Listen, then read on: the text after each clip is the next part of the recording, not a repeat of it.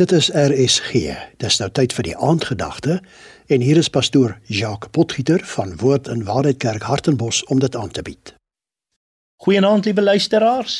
Vanaand praat ek met u oor jy bepaal jou oorwinning. Die woord van Here sê in 1 Johannes 4 vers 4: Julle is uit God my kinders en het hulle oorwin omdat hy wat in julle is groter is as hy wat in die wêreld is.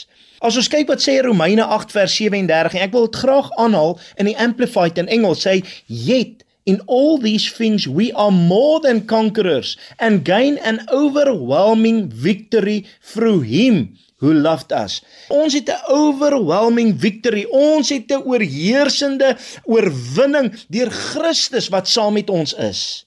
Ons moet weet die dag as jy Jesus aangeneem het, dan het jy die oorwinning reeds verkry. Beteken dit ons het nou nie aanslaan nie?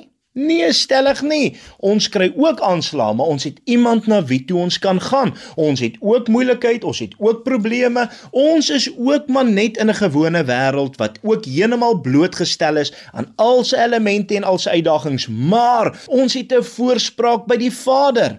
Ons gesindheid teenoor ons uitdagings bepaal ons resultate. Meeste van die tyd wil ek vir jou sê as jy positief begin, sal die uitkoms heel moontlik positief eindig. Maar wanneer jy negatief begin, is jou einde 10 teen 1 'n mislukking. Die probleem wel wat ons moet verstaan, ons moet vernuwe word na ons gemoed. Ons moet vernuwe word in Christus en weet dat Christus wil hê ons moet fokus op die positiewe en ophou kla oor die negatiewe, want die negatiewe is deel van ongeloof waar die positiewe is deel van geloof. En ongelukkig moet ons besef dat Spreuke 18:21 sê dat lewe en dood lê in mag van die tong. Die wat dit gebruik gaan die vrug daarvan eet. En soveel keer kry ek mense wat negatief spreek. Hulle praat negatief, hulle praat dood. Hoe verwag jy as jy heeltyd negatief spreek, gaan dit 'n positiewe uitkoms hê? Hoe verwag jy as jy dood oor jou kinders spreek, oor jou finansies, gaan dit 'n ander uitkoms hê? Nee, jy moet lewe spreek. Baie mense kyk vir die glas water en sê hulle ja, ek het 'n halwe leeg glas.